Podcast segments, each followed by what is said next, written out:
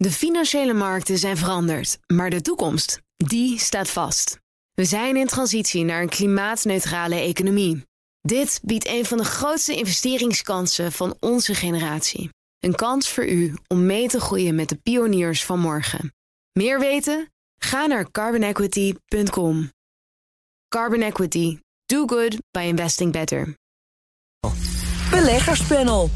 Private equity partijen hebben steeds meer moeite om grote beleggers aan zich te binden. En er komen steeds meer buitenlandse fondsen in de AEX-index. Wat betekent dat voor de Nederlandse beleggers? Dat en meer bespreek ik in het beleggerspanel. En daarin zitten Thijs Knaap, hij is de chief economist van APG...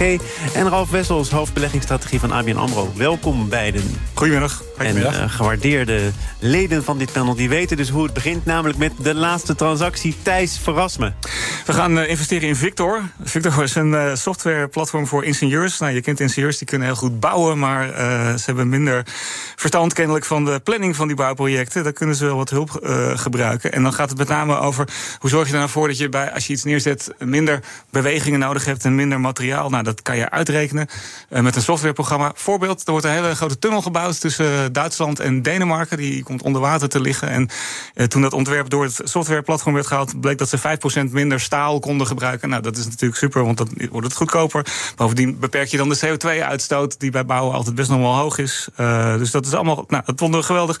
Dus wij uh, zijn ingestapt voor een aantal van onze klanten in dit softwareplatform, zodat ze ja, meer klanten kunnen krijgen om dit te verkopen. Jullie hebben er dus ook fiducie in dat het gaat gebeuren, het digitaliseren van de bouw.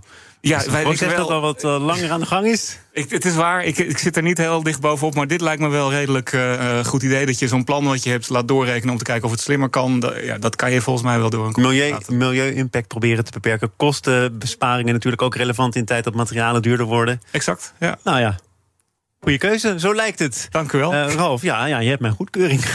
Stop mooi nou ja, Hier geen uh, individuele namen. Onze laatste transactie was uh, in oktober. Toen hebben we staatsobligaties uit de kernlanden, dus Duitsland, Nederland, gekocht. En tegelijkertijd ook weer wat aandelen bijgekocht. Dat was gewoon breed over de hele portefeuille. Ik moet daarbij wel zeggen, we zijn nog steeds terughoudend op aandelen, maar minder terughoudend dan zeg maar uh, eind van de zomer. Ja, minder terughoudend, wat betekent dat dan concreet? Ja, dus zeg maar, als je strategische portefeuille hebt, dan heb je een bepaald gewicht. En daar wijken we dus nog iets naar onderen af. Maar we waren dus heel negatief op aandelen en nou uh, wat minder. En obligaties, staatsobligaties in het bijzonder, die doen het wat beter als er een recessie aankomt? Ja, dat is het idee. Maar, maar, maar wij, nou, het is op, dus trouwens eind oktober. We hebben tot nu toe, maar goed, de afgelopen dagen is de rente heel hard omhoog gegaan. Maar nog steeds echt op de dag dat de Europese lange rentes gepiekt hebben, hebben wij eh, dat besluit genomen. Dus vooralsnog uh, kunnen we ons op de schouders kloppen. Kijk hem stralen. Ja. Uh, ja, nee, inderdaad. Uh, of, of misschien zijn de ramen hier gelapt, daardoor kan het ook komen. Maar uh, wij denken wel dat ongeveer de rente gaat pieken. We gaan het hebben over uh, bedrijven die er ook mee te maken hebben met die renteverhogingen. Private equity partijen hebben steeds meer moeite met het aantrekken van nieuw uh, geld van grote beleggers. Daarover schrijft onder andere het Financiële Dagblad. En uh, dat nadat de sector jarenlang gouden tijden beleefde. Zo'n grote belegger, dat zijn natuurlijk ook pensioenfondsen. jullie hebben er ook mee te maken, Thijs, met mm private equity. Zien jullie binnen de eigen geledingen ook dat het enthousiasme wat afneemt?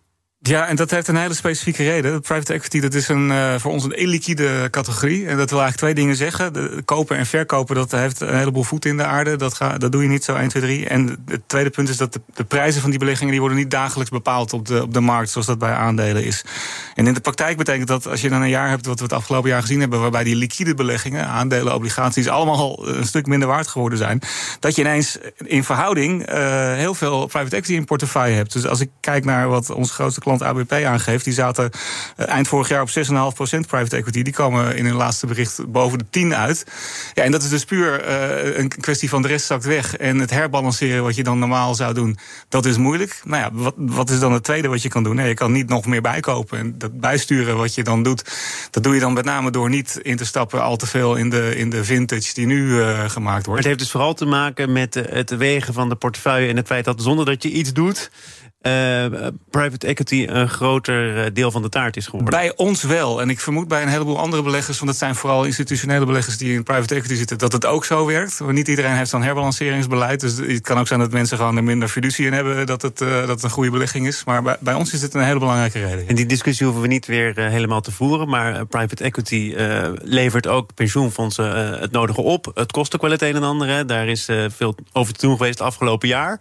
Is het in zekere zin ook een blessing in de sky is dat dat nu wat afneemt, omdat die beheerskosten, de bonussen die erbij uh, komen, dan ook niet meer verstrekt hoeven te worden? Ja, dat, dat vind ik lastig om te zeggen. Want als we, de, als we er zo over zouden denken, moesten we misschien helemaal niet in private equity uh, beleggen. Dus voor ons is het een, een, waardevolle toevoeging aan de portefeuille, omdat het in goede jaren heel veel oplevert. Uh, en, en, vooral de afgelopen jaren heeft dat fantastisch gewerkt. Ehm, ja, ik denk dat het. Voor, het gaat nu overal slechter. Hè. We hebben te maken met een economie die wat minder goed draait. Dan, dat geldt dan hier ook. Ja, dan hoef je er ook minder voor te betalen. Maar ja, we liever dat de rendementen wat hoger zijn. Uh, het gaat overal slechter. Gaat het met private equity toch weer wat slechter dan met andere waar het slecht gaat?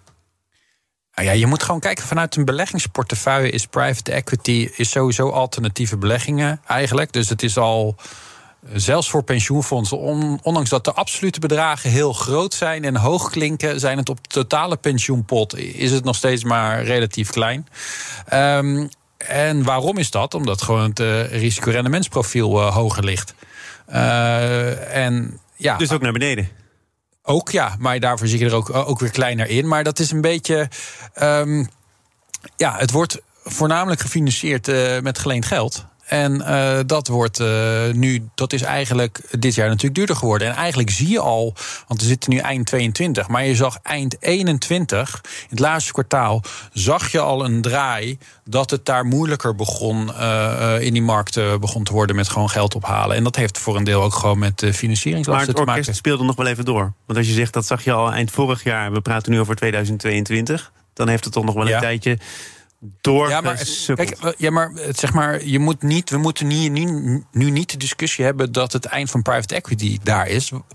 Je zit, je zit in een economische cyclus en die neemt af. Dus vanuit de economische cyclus is nu private equity misschien vanuit een beleggingsoptiek wat minder interessant. Maar dat is de economische cyclus van, van de Eigenlijk sinds corona. En dat is trouwens een hele korte economische cyclus. Maar als jij in private equity zit, juist omdat het zo illiquide is. Ja, dan zou ik verwachten dat als jij die keuze hebt gemaakt, dat je dat voor de lange termijn doet. Dus zeg gewoon, wat is je beleggingshorizon van 15, 20 jaar of langer? Ja, dan heb je nu het misschien wat minder, omdat uh, rentes omhoog gaan. Maar juist, uh, ik heb gekeken of wij hebben onderzoek bekeken van. Uh, hoe heet die? Uh, Neuberger Berman, dat is, een, uh, dat is een Duitse vermogensbeheerder. En die had er onderzoek naar gedaan. Je ziet over het algemeen, en dan kom ik een beetje op het verhaal uh, van Thijs, dat in, in recessies, dus als we naar de financiële crisis gaan, we gaan naar de klappen van de internetzebel en de coronacrisis, zie je dat private equity het qua verlies beter doet, minder verliezen dan zeg maar de aandelenbeurs. Maar voor een heel groot deel heeft dat ermee te maken, omdat die liquide markt is. En bij de SP of de AX heb ik elke dag slotkoers. En bij, bij private equity niet, omdat het illiquide is. En mensen, er zijn niet altijd transacties, juist niet in dat soort periodes. Maar wat juist interessant is, wat dat onderzoek ook liet zien, dat juist in de periode waar je nu zit, en als er een recessie komt, dus zeg maar richting het eind van de cyclus en door die recessie, komen er gewoon interessante overnamepartijen.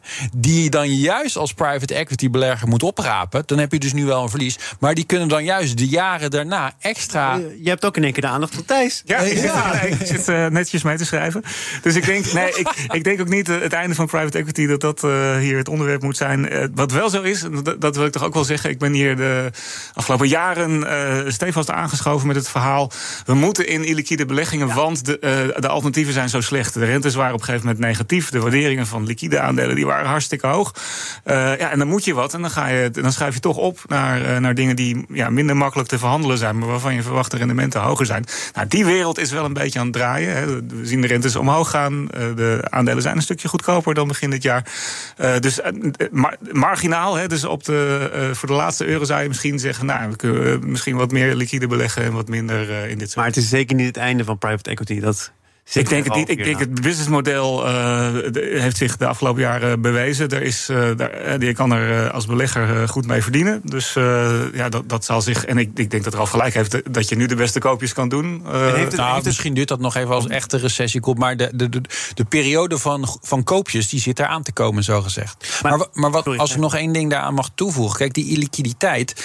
Wij zijn bijvoorbeeld de afgelopen jaren ook bezig, en dat is dit jaar naar buiten gekomen, om juist onze klanten meer toegang te bieden tot private equity. Dus je ziet dat ze proberen die markt meer liquide te maken. En een deel van de goede performance van private equity is natuurlijk ook dat je een premie kreeg voor de illiquiditeit. Dus juist zie je doordat de markt voor private equity groter is geworden, zullen misschien de rendementen en dat zie je dus ook wel een beetje. Als je, maar goed, die, die, die, die rendementsgrafieken zijn nog niet zo van, van decennia. Zie je dat ja, die, die extra premie van illiquiditeit, ja, dat je die wel een beetje verliest. Omdat het voor een steeds groter publiek toegankelijk maar, maar wordt. wat je nu even in een eh, tussendoortje zegt, is ook wel van belang. Hè? Er wordt dan gesteld, ja, we gaan naar een normaler groeipad en uh, komt terug op hoe het vroeger was. Maar zo lang is private equity eigenlijk uh, nog niet interessant voor die grote beleggers. Dus je kunt helemaal niet zeggen wat normaal is of wat abnormaal is, of wel? Als jij zegt, we gaan nog niet decennia terug. Nee, sinds de periode dat het voor een groter publiek toegankelijk wordt. Ja, dat klopt. Maar um, uh, natuurlijk de hele grote jongens. Ja, die zaten er. Ja, die zaten. En natuurlijk eh, een heel groot deel van de markt zijn de hele grote institutionele jongens natuurlijk. Hè? En uh, die grote jongens hebben natuurlijk van alles ook te maken met uh, de rente, de rentestijgingen die nu zelfs in Japan worden aangekondigd. Dus dan zijn, dan zijn we ergens over in gesprek. Is er echt een één op één relatie met wat Powell zegt en wat Lagarde zegt en wat er nu in Japan wordt gezegd met de aantrekkelijkheid van, van private equity? Dus als er wordt gesteld, we zijn er nog lang niet, is private equity dan ook nog lang niet terug op het niveau waar het ooit was? Thijs? Dat is een nogal gecompliceerde relatie, denk ik. Dus er spelen verschillende dingen. Ten eerste, wat ik net al zei, het alternatief wordt, wordt interessanter. Dus als, uh, als je op cash of op, op langere lopende obligaties meer kunt verdienen, ja, dan, dan moet private equity ook meer opleveren. Wil het net zo interessant blijven. Uh, er speelt natuurlijk ook dat de, managers van zo'n private equity fonds moeten zelf ook aan, aan geld komen. Dat werd hier net al even genoemd. Uh, dus die moeten tegen hogere kosten lenen. Nou ja, dan blijft er minder over voor de, voor de beleggers. Dus het is van meerdere kanten niet goed. Dus dat ja, dat, dat moet je meenemen en dat, uh, ja, dat zullen we bij het toekomstige project ook doen. We gaan naar iets wat uh, wel of niet goed is, namelijk steeds meer buitenlandse fondsen in de Nederlandse AEX. BNR Nieuwsradio. Zaken doen. Thomas van Zeil. Thijs Knaap en Ralf Wessel zijn er als leden van het beleggerspanel. Just Eat Takeaway is uit de AEX gestoten door de Italiaanse holding Exor, bekend van de familie Agnelli, ooit de oprichters van Fiat. En dat is het zoveelste buitenlandse fonds in de index. Wat zegt dat over de Nederlandse beurs en wat betekent het voor Nederlandse beleggers? Nou, wat betekent het voor Nederlandse beleggers? Ralf? Ja, persoonlijk niet zoveel. Uh, volgens mij uh, gaan we heel. Of laten we hier bij ABN Amro zeggen, wij, zijn wij wereldwijde beleggers. En we adviseren iedereen ook altijd om een uh, wereldwijd gespreide portefeuille te nemen. Dus focus je juist niet te veel op alleen maar Nederlandse holdings. En ja, eh, de buitenlandse bedrijven. We hebben natuurlijk ook een aantal namen gehad die heel lang een uh, ja, Nederlands VK hadden. Denk aan Shell, denk aan Unilever, Relax, uh, voormalig, wat was het, Elsevier. Ja. dus dat, dat vertekent het beeld ook. Maar je ziet wel dat, dat we wat namen kwijtraken, ook overnames, DSM en zo. en wat er voor terugkomt, we hebben niet meteen ja, goede Nederlandse, klassieke Nederlandse midcappers. Dus het zegt iets over de staat van het Nederlandse bedrijfsleven? Uh, misschien wel qua grote multinationals, ja. Ja, want omgekeerd komt het volgens mij niet zo heel veel voor dat Nederlandse bedrijven zich laten noteren in Milaan of in Parijs. Uh, dus dat... Nou, wel een beetje in Amerika. Je hebt natuurlijk, ja. uh, wat is het, die chip en NXP? Dat is wel chip, ja. Dat is volgens mij dat is Nederland. Nee. Genoteerd, dat weet ik. Ja, maar dus het, op zich is het wel. Eh, dus, uh, we kunnen vaststellen dat uh, bedrijven kunnen overal naar de beurs. Uh, het hoeft niet in eigen land. Dus, dus als je het idee hebt van ik hou van Holland, ik wil Hollandse bedrijven hebben en dan nu koop ik de AEX, dan is dat misschien iets te kort door de bocht. Nee, de helft is buitenlands. De helft is bij, ja, en ze hebben inderdaad het hoofdkwartier in het buitenland. Veel van de omzet komt uit het buitenland. Dus dan heb je echt een, ja, dus een, een verzameling bedrijven. En dat is wel interessant, want ja, maakt het dan uit wat er in de AX zit. Nee, jullie, jullie roepen het elk half uur om, dus het heeft wel enige impact. Maar het maakt wel uit voor mensen die inderdaad in een index beleggen. Nou, dat is meestal ook een goed idee. Uh, maar je, je, kan je dus wel afvragen als je, als je dan die, de AEX kiest. Ja, ik denk omdat je uh, Nederlandse aandelen wil hebben, dan, ja, dan krijg je dus een soort van mismatch. Uh, en dat, dat klopt dus niet. Je moet niet het idee hebben dat als je in AEX belegt, dat je Nederland, in Nederland belegt. Nee, helemaal dat is niet. juist ook het rare. Want zelfs even los van al die buitenlandse bedrijven, maar als je gewoon kijkt naar de Heinekens, eh, de Philipsen, de ASML's. Het zijn allemaal internationale bedrijven. Dus juist. Maar dat zijn wel Nederlandse bedrijven van Ja, origine. maar het is dus niet zo dat als je in AEX belegt, dat je in Nederland eh, dat, je, dat je investeert in iets wat afhankelijk is van de Nederlandse economie. Laat ik het dan even zo zeggen. Omdat je juist met internationale Maar wat bedrijven. zoeken die bedrijven hier? Hè? Corné van Zel die heeft er iets over gezegd. Vorige week op deze zender ook lid van het panel van Actiam. Het zijn vooral de soepele regels van de AEX. Eigenlijk mag je op het gebied van corporate governance hier alles doen wat God verboden heeft. En bij andere beurzen kan dat niet. Eh, is het hier veel losbandiger, veel makkelijker dan bij andere beurzen? Nou ja, ik ik zou je eerlijk zeggen dat ik niet goed eh, de ins en outs weet van de operationele regelgeving. Maar dit is inderdaad een argument wat je regelmatig hoort. Aan de andere kant moet ik dan ook zeggen. Ja, hoeveel lijken zijn er de afgelopen decennia uit de kast gevallen bij de AEX? Ja, Wel meevallen, denk je dus. nou, het is, eh, waarschijnlijk is er soepelere regelgeving om op, op die beurs te staan of zo. Maar het wil niet bete- eh, automatisch betekenen dat je daardoor slechte beleggingen. Of die link zie ik nog niet echt. Heeft het iets te maken met het regime, denk jij, Thijs? Ik, kan geen andere reden verzinnen waarom mensen hier, eh, tenzij ze graag naar Amsterdam komen, af en toe eh, voor eh, de andere dingen die hier te doen zijn. Maar ja, daar lijkt het wel mee te maken te hebben. Maar dus de les is eigenlijk, als je, als je in een index belegt, dan, ja, dan moet je goed kijken naar welke bedrijven erin zitten. En eigenlijk niet naar waar die index gevestigd is. En dat, dat geldt breder. Hè. Er zijn Chinese bedrijven die in Amerika gelist zijn. Nou, we hebben al andere voorbeelden gehad. En dat is, dus het zegt ook iets over indexbeleggen. Dat je, nou, je bent dus toch afhankelijk van de indexmaker en degene die beslist welk bedrijf er al dan niet in de index Maar je eh, dat is meestal een goed idee. Wanneer is het geen goed idee? Nou, dat- ik, ben, ik zeg dat het een goed idee is, omdat de meeste mensen toch de neiging hebben om individuele aandelen te kopen. En eh, dat is soms een heel goed idee. eh, maar dat betekent wel dat je blootstaat aan een heleboel volatiliteit. Die aandelen kunnen verdubbelen en halveren. En dat doen ze allemaal eh, regelmatig. En als je het al het risico niet wilt, dan is het vaak een goed idee. En ook als je niet echt een heel sterke mening hebt over welk bedrijf het beste is. Maar als, dan- als iedereen eh, nou eh, volop kiest voor indexbeleggen, hè, dat is dan het, wat je ook regelmatig hoort, Hm? het disciplineert dat bedrijven nog wel op individueel niveau. Want je lift een beetje mee op de index, iedereen zit daarin. Dus of je het nou goed of slecht doet, joh, je maakt onderdeel uit van het clubpie. En, Nee, je eh, zit er dus niet in. Want als Nee, je- maar als de- je- het bedrijf zit erin. Ja, maar als je dus als bedrijf slecht eh, presteert, gaat het wel gewoon uiteindelijk je koers omlaag. En dan val je er dus uit. Dat zie je dus aan uh, Just Eat Takeaway. Maar, maar het, het, het grappige is hoe ik er. eh, meer, uiteindelijk, als iedereen passief gaat beleggen. Dan wordt actief beheer, dus dat je individuele stokspicking doet, wordt interessant. Omdat er, er moet dan mismatch zijn. De, de- of er moet dan Dat de meer op- moet en de prijs Ja. eh, moet dan ergens niet kloppen. Maar als er een redelijke balans in is, dan kan het op mijn optiek. En voor heel veel particulieren is, is het toch gewoon de makkelijkste manier. Maar hoe je het uiteindelijk ook. Uiteindelijk zit er al, is het met enige vertraging, als je index belegt, beleg je in de winnaars. Want uiteindelijk de verliezers vallen eruit. En zo zie je natuurlijk even. Met, eh, vroeger was Shell natuurlijk de grootste. Dat is niet meer de grootste. Ten tijde van de bankencrisis waren de financiële jongens de grote jongens in de AEX. Inmiddels heeft het natuurlijk een enorme technologieteelt met eh, alle chip, eh, chipbedrijven. Uh, dus neem niet weg dat je ook de verliezers hebt. Maar die vallen er op een gegeven moment uit. Dus je zorgt er wel altijd voor dat als je in zo'n index zit, dat je altijd wel zeg maar de opkomende bedrijven ook mee hebt de dalende ook in een, voor een deel. Maar uh, je blijft altijd wel vooruit gaan. Ja, maar wat jij vraagt is een, is een beetje het leesmap-principe. Als iedereen de leesmap koopt, moeten dan die Kijk. tijdschriften nog wel hun, hun, best doen om er mooi uit te zien? Ja, nee, want. Uh, uh, en dan de analogie van de, van de actieve belegger is dat degene die dan de tijdschrift uit, uit de kiosk haalt en denkt: van deze wil ik hebben. naast of niet? Nou ja, de, in theorie zou je kunnen zeggen: als iedereen een index belegt, let niemand meer op. Maar Ralf heeft gelijk, ja, dan wordt het wel heel aantrekkelijk om toch actief te worden. Nou, we zitten nu in een markt die steeds meer naar indexbeleggen toe gaat. Dus soms hoor je wel die verhalen van mensen die zeggen: ja, dit is toch, dit gaat, dit is communisme en dat gaat te ver.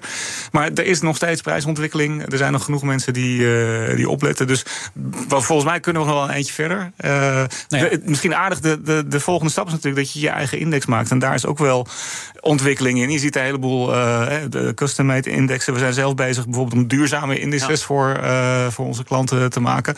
Zodat ze ja, wel de voordelen van passief kunnen hebben, maar toch ook de, bepaalde keuzes in de, in de belegging mee kunnen nemen. Nog heel even, omdat het nu ook echt Nederland heeft bereikt. Bitfavo, de populairste cryptobeurs van Nederland, dreigt 280 miljoen euro te verliezen door de crypto-crash die ontstond door het omvallen van de miljardenbeurs FTX. En uh, daarmee is het nu toch echt ook een, een Nederlands probleem. Overigens, Ralf, denk je dat het probleem binnen de perken zal blijven of niet? Want Bitfavo heeft gezegd, joh, kom je de problemen, maak je geen zorgen, wij springen Ja. financieel bij. Ja, dus als we met z'n allen Bitvavo willen geloven, dan komt het goed. Het hele grote probleem is met het hele FTX-probleem... en in een zekere zin dan misschien ook met Bitvavo... is, ja, dit laat dus het probleem van de crypto-wereld zien. Er is geen eh, toezicht. Eh, en als je geen toezicht hebt, ben je dus afhankelijk van... dat mensen inderdaad zeggen van, het klopt...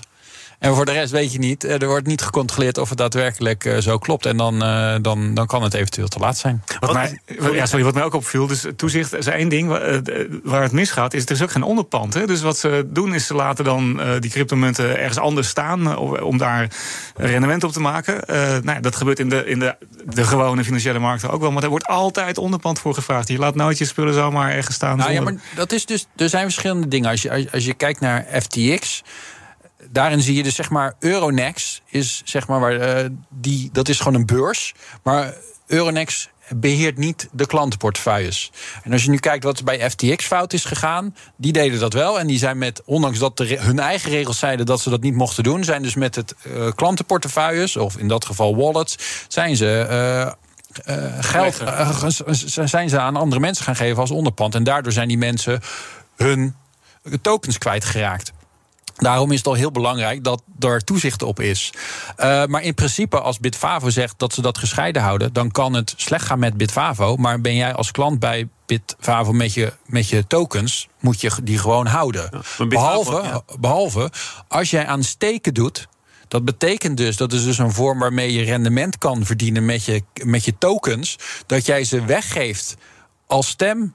Uh, dat, dat er met jouw tokens zeg maar, een meerderheid kan worden behaald om een bepaalde richting op te gaan. Dan loop je dus wel het risico dat je dus, uh, ja, dat als die prijs omlaag gaat, uh, dat, dat je even daar Maar die verliezen risico's waren bekend, hè? De topman Ja, ja, ja, van zegt in het FD dat dat in de risk disclosure staat. En hij zegt overigens ook dat dat uh, gezien de vraagstelling, waarschijnlijk is het hem gevraagd, dat de achteraf bezien wel duidelijker had gemogen. Maar als je dus echt had opgelet.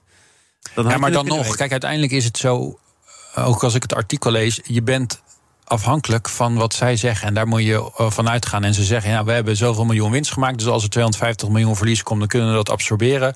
Maar ja, uh, ja. Is het zegt zo? dat ze al die winsten nog hebben. Ja, ik weet het niet. ik moet ook wel eerlijk zeggen, ik heb niet naar hun balans gekeken hoor. Dus, maar ik weet ook niet waar die, uh, of er een handtekening van een accountancybedrijf Thijs, laat jij bij een minzaam lachje of heb je er nog wat aan toe te voegen? Uh, ik heb er weinig aan toe te voegen. Ik denk dat we, ja, we hebben het hier vaker over gehad. Uh, in zekere zin zien we ook weer een beetje de herhaling van de financiële crisis van 2008, 2009. Waarbij financiële instellingen, uh, die trouwens wel onder toezicht stonden, maar toch allerlei rommelproducten hadden en van elkaar niet wisten waar, waar het verlies zou vallen. En dan gaat, ja, als je dan technisch wil worden, dan waar gaat het dan mis? Ja, de risicotransformatie is eigenlijk de. Dus je, je, aan de ene kant verkoop je veilige deposits, aan de andere kant doe je risicovolle dingen. En ja, die twee dingen. Uh, die zijn niet helemaal consistent. En als het, dan, als het dan ergens fout loopt, ja, dan komt dat aan het licht. En dat is nu ook weer. Nee, ja, en met crypto, laatste punt, is zeg maar, er zijn veelbelovende zaken, maar uiteindelijk wil je de massa uh, bereiken. Dan, en die er ook vertrouwen krijgt, dan heb je gewoon uh, regelgeving en toezicht nodig. En als dat er niet is, ja, heb je heel veel, loop je heel veel risico. Sommige mensen hebben ook een leesmap nodig. Thijs, ik uh, laat je gewoon weer alleen met al die mooie tijdschriften. Dankjewel. Van APG, Chief Economist daar. En Ralf Wessels, hoofdbeleggingsstrategie bij ABN AMRO. Tot volgend jaar. Beleggerspanel wordt mede mogelijk gemaakt door Annexum. Al meer dan 20 jaar de aanbieder van vastgoedfondsen. Straks de Oekraïne-update met Bernard Hammelburg. De financiële markten zijn veranderd, maar de toekomst, die staat vast. We zijn in transitie naar een klimaatneutrale economie. Dit biedt een van de grootste investeringskansen van onze generatie. Een kans voor u om mee te groeien met de pioniers van morgen. Meer weten? Ga naar carbonequity.com. Carbon Equity. Do good by investing better.